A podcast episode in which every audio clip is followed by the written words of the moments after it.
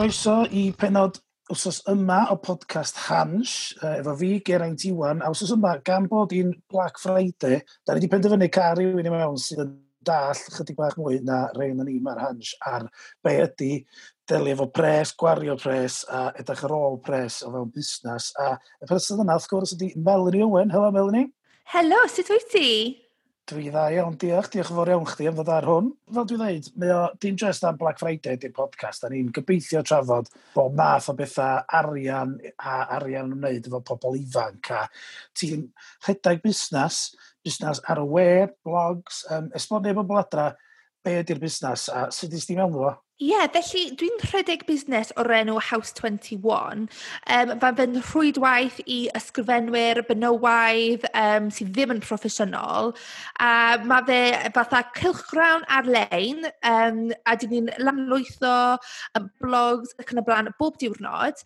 Um, a mae fe jyst yn cyfle i bobl gael darllen blogs a gwaith sgrifenedig, bobl eraill. Um, dwi wrth fy modd yn darllen blogs. Dwi'n meddwl fel bod e fel darllen dyddiadau rhywun hyn. A mae fe'n fab actually gallu darllen darnau mor personol. Felly dyna pam dechreuais i'r busnes. Um, Symudus i gartre i gwneud hynny. Um, roedd gen i um, swydd um, mewn swyddfa ac oedd hwnna'n dod i ben. O'n i'n meddwl, reit, does gen i ddim un cyfrifoldeb sydd yn tynnu arna i. Felly na i jyst gwneud hwn nawr a gweld beth digwyddith. O'n i'n gwybod bod fi ddim yn gallu talu rent a dechrau busnes. Um, doeddwn ni, roedd gen i ddim digon o fath o savings ac yn y blaen, felly o rhaid i fi symud gatre. Wedys si, fos ni'n symud gatre am chwe mis, mae fy nar wedi bod tair blwyddyn, so dwi eitha cyfforddus fan hyn, actually. a hefyd, um, eleni, nes i lansio fath o cilch grawn go iawn um, os hoffech chi, felly mewn print. Um, dwi wedi cael tri issue allan yn barod, a mae, dyn ni'n neud yna ar pob cwarter, a timod, mae hwn yn ffantastig i bobl fysa byth gallu gweld eu gwaith ysgrifenedig nhw mewn yn print.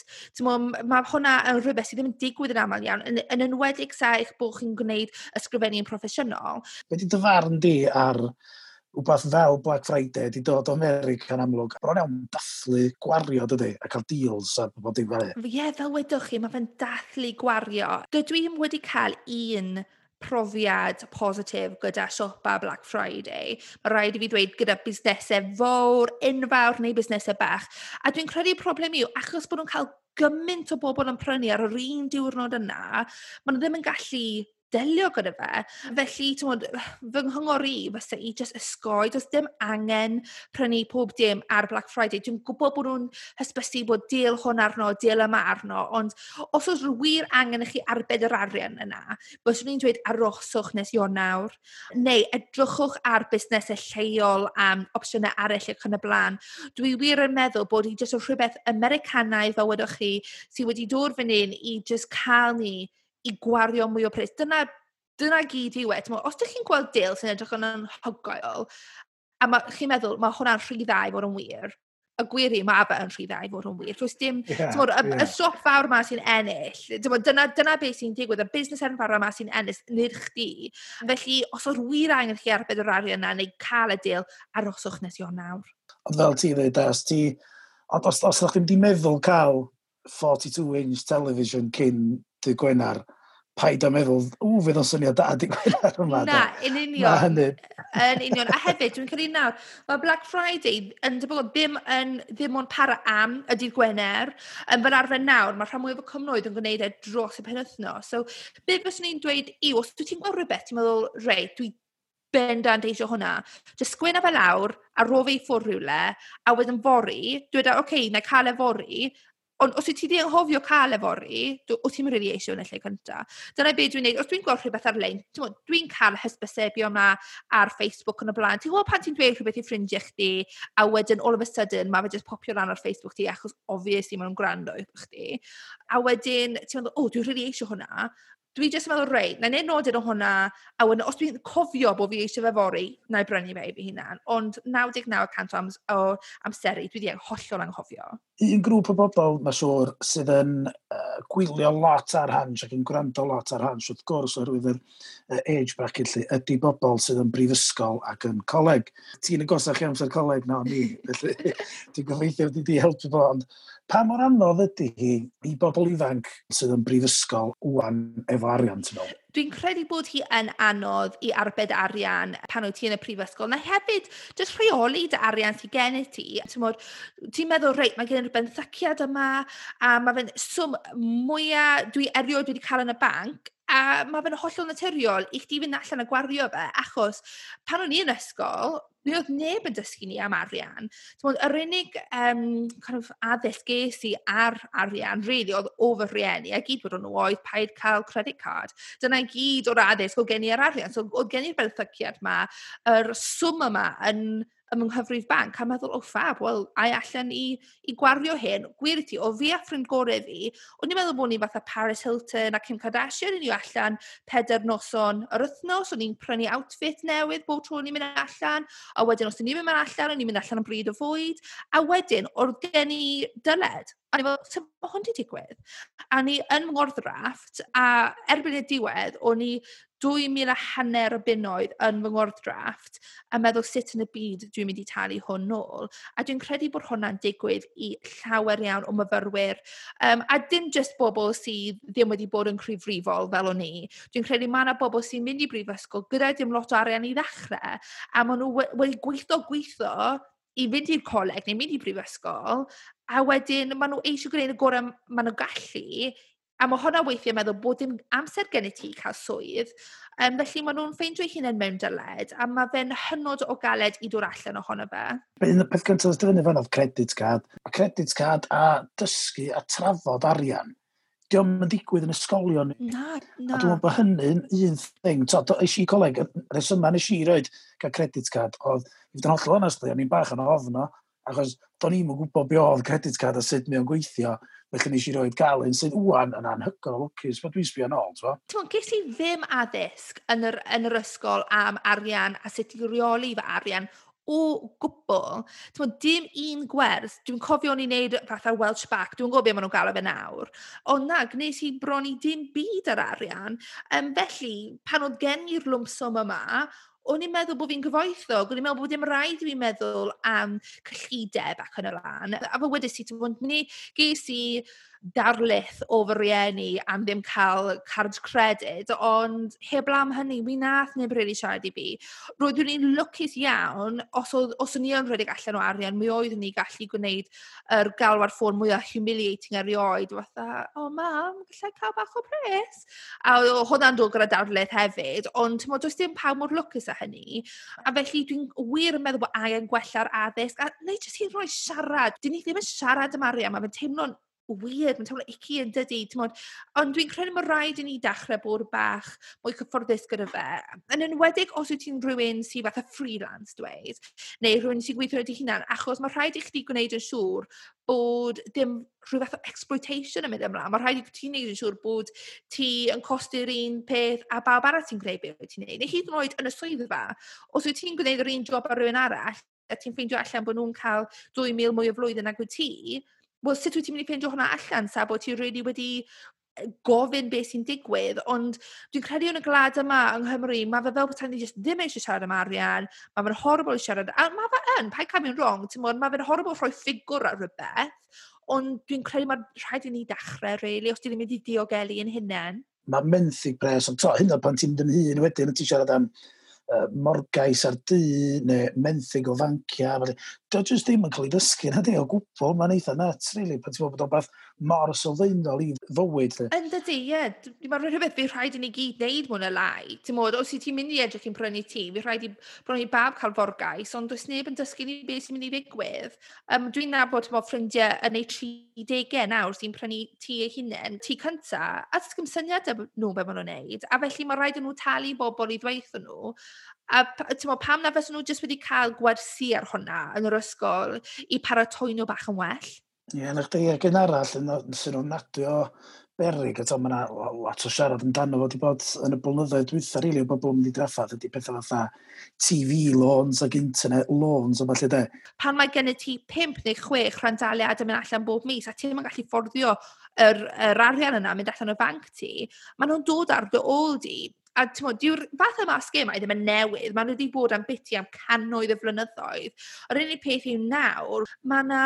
Maen nhw wedi cael rhyw fath o rebranding i edrych yn rili really millennial, yn rili really newydd, yn rili really shiny. Fel bod, ti'n bod, y byd yn bryglis amdano ni, nes i'r feilif dod i drws ti a gofyn am mil o bunnoedd achos o' ti ti ôl yn dy taliadau chdi. Mae fe'n rili, rili peryglis i cwmpo lawr y twll 'na. Felly, ti'n meddwl, fos ni wir yn dweud sa bod yr arian gen i chdi i brynu fe yn gyfan gwbl yn y lle gyntaf, peidiwch wneud e. Neu, dweud os ydych chi mynd i wneud y rhandaliadau yma, jyst gwneud siŵr bod un ar y go gyda chi dim mwy na un achos mae fe mor beryglus. Hyd yn oed i rywun sydd gan mwy o arian yn y banc, mae fe'n really hawdd cwmpa lawr y twll yma a does dim ffordd allan. A wedyn, dych chi'n edrych ar fatha gyfraddau llog really achel. Nes i ar y we i sbio faint o lôn mae rhywun yn gael dyddi yma fel student loan. Ond nes i reid y wybodaeth i mewn yn dweud, os oes ni eisiau student loan o'n faint o'n i'n gael. A o'n i fitness, oedden nhw'n cynnig i fi, o ddeutu tua be o'n i'n gael deg mlynedd yn ôl. Oh gosh. Sydd i fi yn bonkers pan ti'n meddwl be, achos dwi'n gwybod yn iawn, so, mae bywyd wwan i bobl ifanc yn ddrytach. Mae so, ma prynu beth o'n siop yn ddrytach, mae mynd am beint yn ddrytach, mae'n allan am fwyd o fod dy ffrindiau yn ddrytach. Dwi wedi gweld pethau mynd mwy drif dros y dwy flwyddyn diwetha heb sôn am rhyw deg ond timod dwi yn gweld pam mae bobl ifanc yn mynd tuag at y sgemau yma.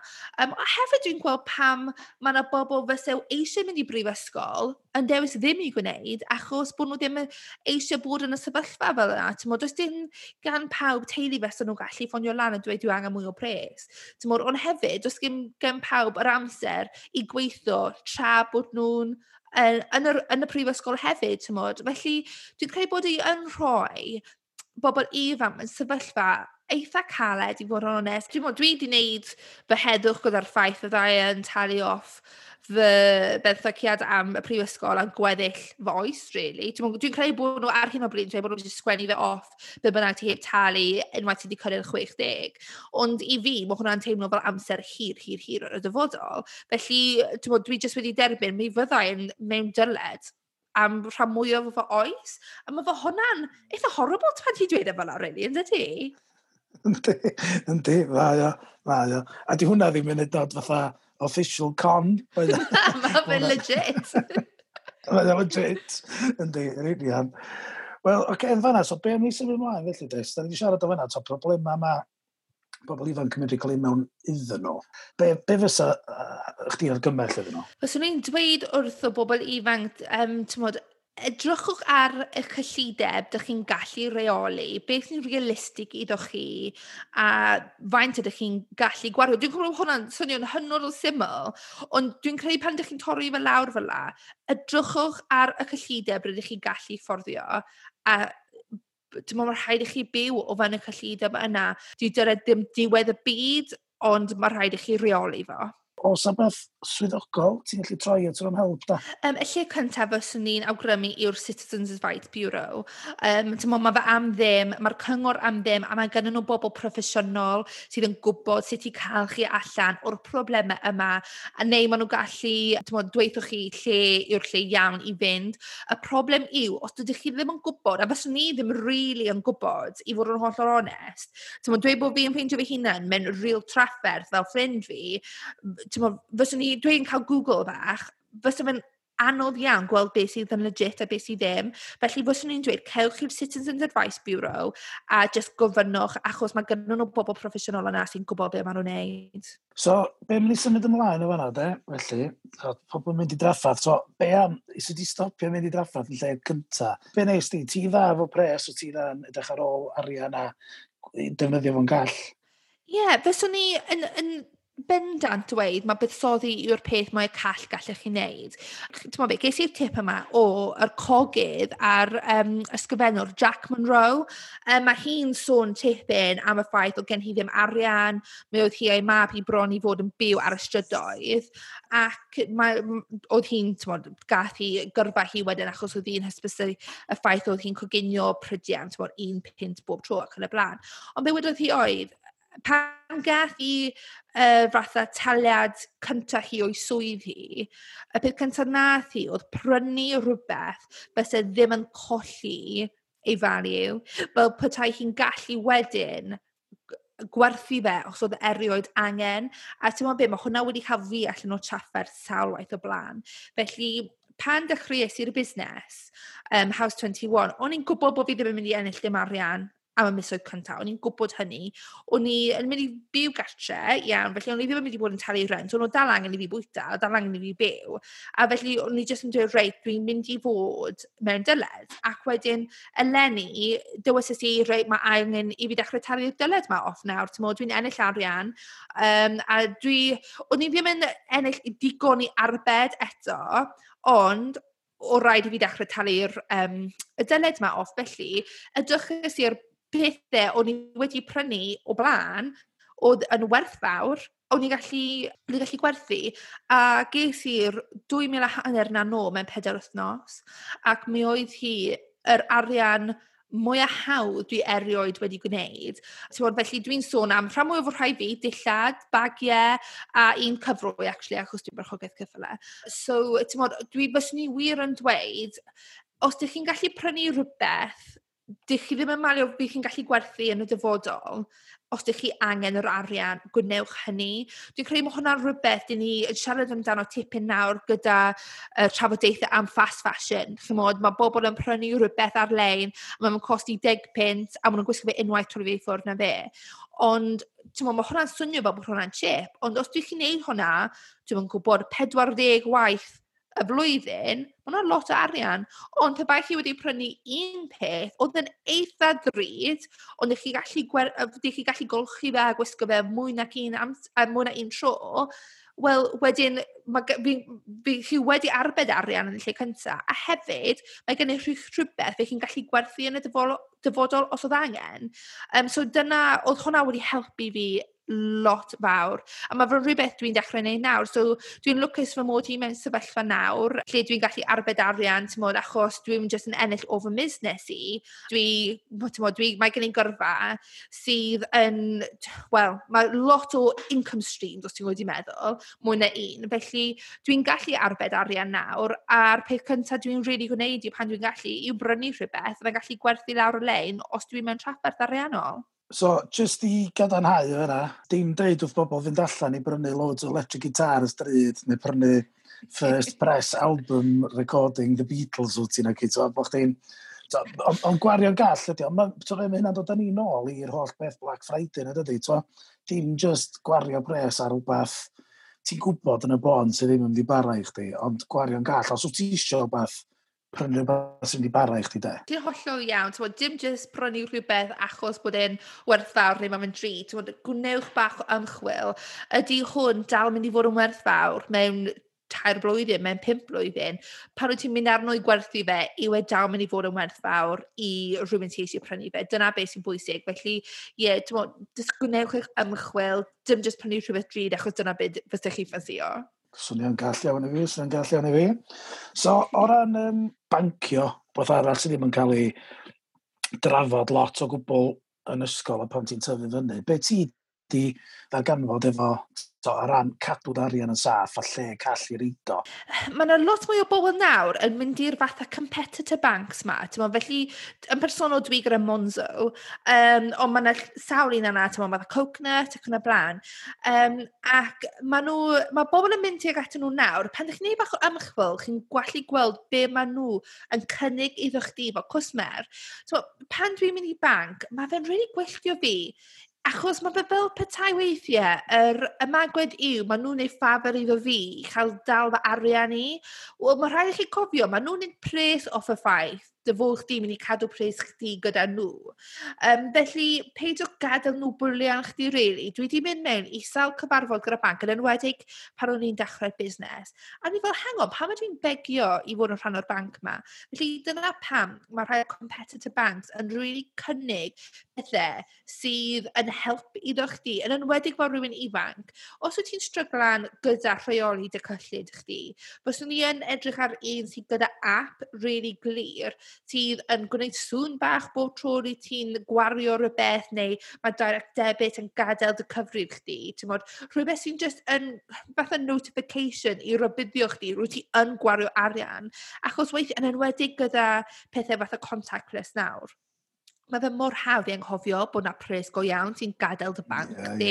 Yeah, dwi'n credu bod... yn wedi, timod dwi nawr just tapio ffôn fi, dwi'n teimlo fel wedi talu am e, ond mae fe'n talu fe- teimlo fel e pan dwi'n edrych ar y rhifau yn y banc a dwi'n "Oh my gosh, sa'r coffi ydw i wedi brynu?" Um, felly dwi'n credu cael y pethau bach fel la, sy'n timod just gwneud sŵn neu rhoi notification i chdi ar ffôn ti pan mae'n dweud ti wedi gwario gymaint um, ar coffis mis yma neu bwyta allan ac yn y blaen. Ond hefyd, edrych ar y fath o interest rates maen nhw yn um, rhoi 'na... rhoi allan iddo chi. Neu hefyd maen nhw'n gwneud dwi'n meddwl, gyda Monzo maen nhw'n gael nhw'n fath o pots ond dwi'n siŵr falle bod enwau arall gyda nhw yn y bancs eraill ond pots i chi roi eich arian dych chi mwyn arbed ynddo a wedyn fydd chi syni, os ydych chi'n jyst yn rhoi fe allan o'ch cyfrif eich prif cyfrif banc mewn i'r pot 'ma. ydych chi ddim yn rili gallu twtio de. Um, felly mae hwnna'n help os ti... wyt ti'n rhywun ti'n meddwl "O wna arbed yr yr pres yma" a wedyn erbyn diwedd y mis ti wedi gwario fe anyway. Mae cael y fath yna o beth yn rili helpu a hefyd maen nhw'n gallu rhoi pethau iddo chdi fel bod tro ti'n gwario be maen nhw'n fatha rounding it up a be ti heb gwario yn y pint yna, maen nhw'n rhoi mewn i'r pot. So dweud bod ti wedi brynu rhywbeth am 1.69 punt neu nhw'n rhoi 31 ceiniog yn y pot ar bedarian iddo chdi. A ti'n mae hwnna i gyd yn helpu yn dydi. Oedd, um, mae bobl o hyd yn dweud, edrychwch ar ôl y ceiniogau achos neith y penoedd edrych ar ôl ei hunain. A dwi'n credu bod hwnna yn um, cyngor da iawn, achos rwy ti'n meddwl am y pethau mawr rwy ti'n prynu, rwy ti'n meddwl am y pethau bach. Ond, y peth bwysig yw, os wyt ti yn mynd i fynd un o'r bancs newydd yma'r competitor banks, gwneud siŵr eu bod nhw yn cael eu diogelu gan yr FSCS, sef yr Financial Services Compensation Scheme.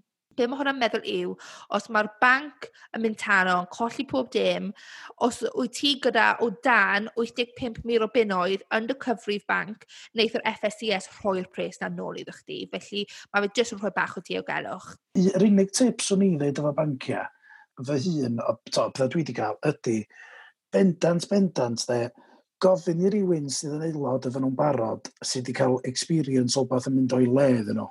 A oherwydd dwi ar hyn o bryd, i fod yn onast, wrth i newid banc, oherwydd sefyllfa ddigwyddodd i, i'n sgamio chydig bach yn ôl. A oedd y ffordd nath y man cyd drin fi, pan i'n mynd drwy hynna, yn eitha horrendous os dwi'n bod yn hollol onast. Sut wyt ti'n ddati wedyn ta i, ta, ti dechrau cael pres a ti'n neud pres da drwy swydd yma, lle sut ti wedyn yn uh, ddim yn just sbyty fe gyd ar ac yn mynd yn ôl i'r holl Paris Hilton thing o gen ti'n mynd on ysdalwm. Um, yeah, dwi'n credu y peth y mwyaf sydd wedi helpu fi really rheoli fy arian yw fel wedes i tywod, bod gyda banc sydd yn cynnig y, fel, y pethau fel yna iddo fi. Um, ond hefyd, tywod, mae gen i gyrfa aml gysylltnod.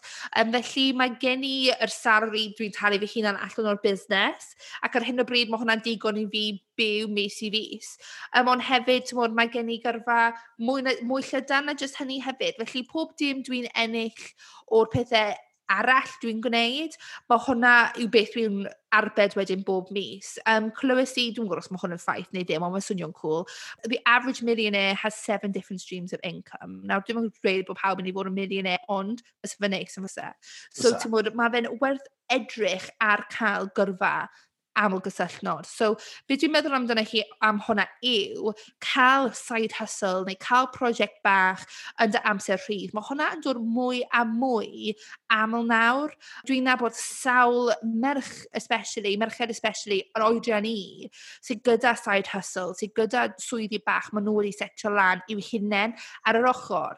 A actually, pan dwi'n meddwl amdano nhw, mae sawl un wedi gadael eu swydd 9 to 5 nhw achos bod y side hustle wedi mynd mor dda, a maen nhw wedi lansio hwnna fatha busnes llawn amser.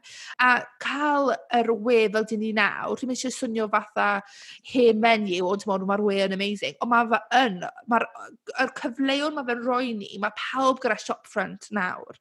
Mae gennych chi Etsy, mae gennych chi Instagram, mae gennych chi bob cyfle nawr i gwerthu werthu eich, mod, eich services chi neu, neu be bynnag rydych chi'n cynhyrchu, rhowch e allan na, achos mae gennych chi bob cyfle i gwneud hynny. A edrychwch ar beth mae bobl o'i amgylch chi yn gwneud fatha prosiectau bach. Mae fe rhywbeth yn dwi'n gwneud gyda House 21, really, yw, yw cael bobl i gweiddi am y ffaith bod gen nhw'r side hustles neu'r busnesau bach ma. Mae fe rhywbeth hynod o Gymraeg i dweud, "O, timod, mae gen i syniad 'ma a mae fe'n okay ond does dim rhaid i brynu fe so ti'n mynd really eisiau. Ond ti'n modd, mae fe'n rubbish really actually, paid paid becso." Timod, os mae gennych chi busnes bach just amdano fe, dwedwch wrth y pawb, achos fysa chi'n sioct faint o bobl, yn enwedig, ti'n dwi yn Aberystwyth nawr, dwi'n efo sawl person sy'n gyda busnesau bach, ond mae nhw eisiau fe fod yn cyfrinach, ac maen nhw ddim eisiau teulu neu ffrindiau nhw'n gwybod, achos maen nhw'n meddwl bod yn embarrassing. Ond maen nhw'n ennill gymaint o pres ar yr ochr, pan dyn nhw'n bod yn barth o hwnna, ti'n bod llwyddiant yw hwnna. So, just edrychwch pwy sy'n amgylch di yn gyda'r um, fatha'r side hustles a'r prosiectau bach ma, a meddwl os yna rhywbeth fes chdi gallu gwneud hefyd. Os oes yna rhywun allan yna wan sy'n gwrando ar hwn ac yn meddwl, ti'n fe, I'm going for it.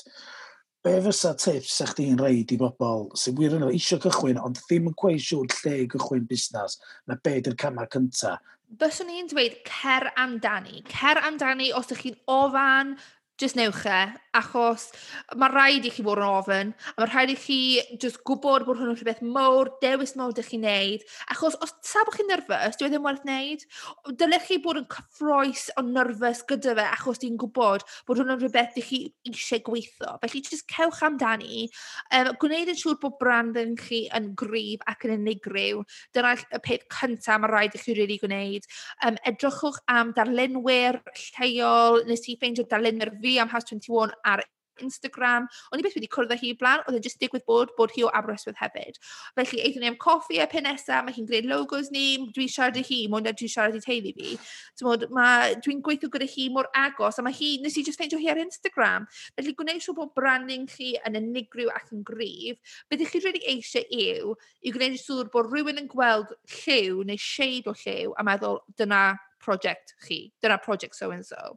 Dwi'n meddwl fel maen nhw'n gwybod mae busnes chi, maen nhw wedi gweld. Ti'n meddwl, heblaw am hynny, just byddwch ar-lein, byddwch ar Instagram, byddwch ar Etsy neu be bynnag platform ydych chi'n mynd i ddefnyddio, a just byddwch arno fe trwy'r amser.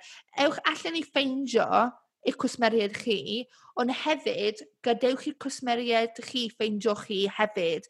Dwi'n neud fath marketing o blaen, a beth oedd yn rili really galed oedd weithio, o ti'n sôn i cwsmer a dweud, reit, dwi wedi gwneud yr ymchwil ma'n barchnad, a dyma'r product ma eich cwsmer eich chi'n rili really hoffi, a nhw'n dweud, o, oh, wel na, ond ffefryn fi yw'r un draw yma, ti fel, oce, okay, ond mae'r un mae pawb yn hoffi yw'r un draw fan hyn, a maen nhw fel, na, dwi eisiau yr un yma fod y flagship product. So, y broblem yw, mae rhaid i chi gwrando i'w cwsmeriaid chi. Be maen nhw hoffi, rhedwch gyda hwnna, A dim ond eich, eich cwsmeriaid ffeindiwch chi yn y diwedd, ond mae rhaid i chi just bod ar-lein, gwedwch amdano fe, dechreuwch gyda'ch teulu a'ch ffrindiau, a pan dechreuais i House 21, oedd, oedd pawb mor cefnogol ohono hi, a fysa chi'n syni faint o wahaniaeth mae fe jyst yn gwneud i rhannu llun, neu hoffi fe, neu croi comment, neu mod, unrhyw beth fel la, rhoi fe'ch stori chi. O, mae pob dim yn helpu, dwi mor diolchgar, hyd yn oed nawr, i bawb sydd yn just rhoi un o post fi House 21 ar stori nhw, heb i fi hyn o'r gorfod gofyn. Mae hwnna'n hynod o help, felly ewch allan o gofyn eich ffrindiau chi neu'ch teulu chi gwneud hynny. Dwi'n siŵr bydd rhan mwy o nhw yn cefnogol a eisiau gwneud hynny. Os wyt ti'n rhywun sydd sy, ddim gyda'r diogelwch ariannol i just gallu gadael swydd a lansio busnes chi a gobeithio am y gorau a byw off y chrieni, Be fyswn i'n neud yw, yw dechrau fe fel side hustle a gweld sut mae fe'n mynd um, tra bod chi yn eich swydd 9 to 5 hefyd. Um, mi fi chi'n brysur, ond mae rhaid fi weithio chi fi chi'n brysur am trwy gylwch oes os ydych chi'n mynd i dechrau busnes eich hun in any so might as well get used to it. Sa bod hwnna yn digwydd, neu does gennych chi ddim yr amser i rhoi'r push chi'n meddwl bod y busnes yn really heiddi, fyswn ni yn meddwl am just aros y munud, a arbed y rhannau ydych chi'n gallu. Um, dwi'n gwybod bod hwnna ddim mor, yr ateb mwy o sexy erioed, ond mor, os oes rhaid i chi just meddwl, reit, dwi'n mynd i arbed arian yn flwyddyn nawr, a really arbed yr arian, mor, ddim cael y Starbucks na, ddim mynd ar y noson allan na, ddim mynd ar y gwyliau na, just bob dim dwi'n gallu arbed, gwnewch hynny, a wedyn twlwch popeth ato fe ar ôl flwyddyn pan mae gennych chi'r arian. Ond hefyd, Edrychwch os oes unrhyw fath o benthyciadau mae'r Llywodraeth Cymru yn gallu roi iddo chi. Dwi'n gwybod bod yna tipyn o rai ar gael, yn enwedig i bobl ifanc, yn enwedig i bobl ifanc creadigol. Um, dwi'n nabod cwpl o bobl nawr actually sydd wedi lansio i busnes nhw yn defnyddio'r benthyciadau yna. Um, felly edrychwch os, os 'y nhw ar gael. Um, a mae rhai o nhw actually does dim rhaid i chi hyd yn oed talu nôl. Um, felly just edrychwch ar um, wefan Llywodraeth Cymru i gweld be maen nhw'n gallu gallu cynnig iddo chi hefyd, achos mae rhain nhw'n rili gallu helpu. Brilliant. Melanie, diolch o fawr iawn i chdi. Um, o na, diolch am cael fi. Rhannu expertise a dywyfodaeth efo bawb. Dim problem. A jyst i orffa, gan bod chdi wedi dweud o'i funud yn ôl bod chdi wrth dyfodd pan mae pobl yn hyrwyddo uh, House 21 heb ofyn dim byd os oes na rhywun sy'n gwrando sydd rili really isio fatha, sy'n meddwl, o, ti'n gwybod, sy'n lyfio actually cychwyn blog a cysylltu efo Melanie. Be di ffordd gorau ddyn nhw'n neud a sut maen nhw'n cael at eich dyn House 21? Reit, felly os mae unrhyw'n eisiau cyfrannu fel blogwr i House 21, Allen nhw mynd i house21.co.uk forward slash register. Um, neu gallen nhw siarad i fi yn direct os maen nhw moyn ar Instagram um, ar at house21 underscore UK. A fi sy'n rhedeg ar Instagram, felly fi fydd yn ateb chi anyway. Na chi. So, unrhyw un allan yna sydd yn meddwl, os ydych chi'n licio cychwyn blocio rhywbeth diddorol, cysylltwch efo Melanie. Melanie, diolch, unwaith eto, diolch yn fawr iawn i chdi, gobeithio bod hyn wedi helpu unrhyw un sy'n gwrando. Diolch yn fawr iawn.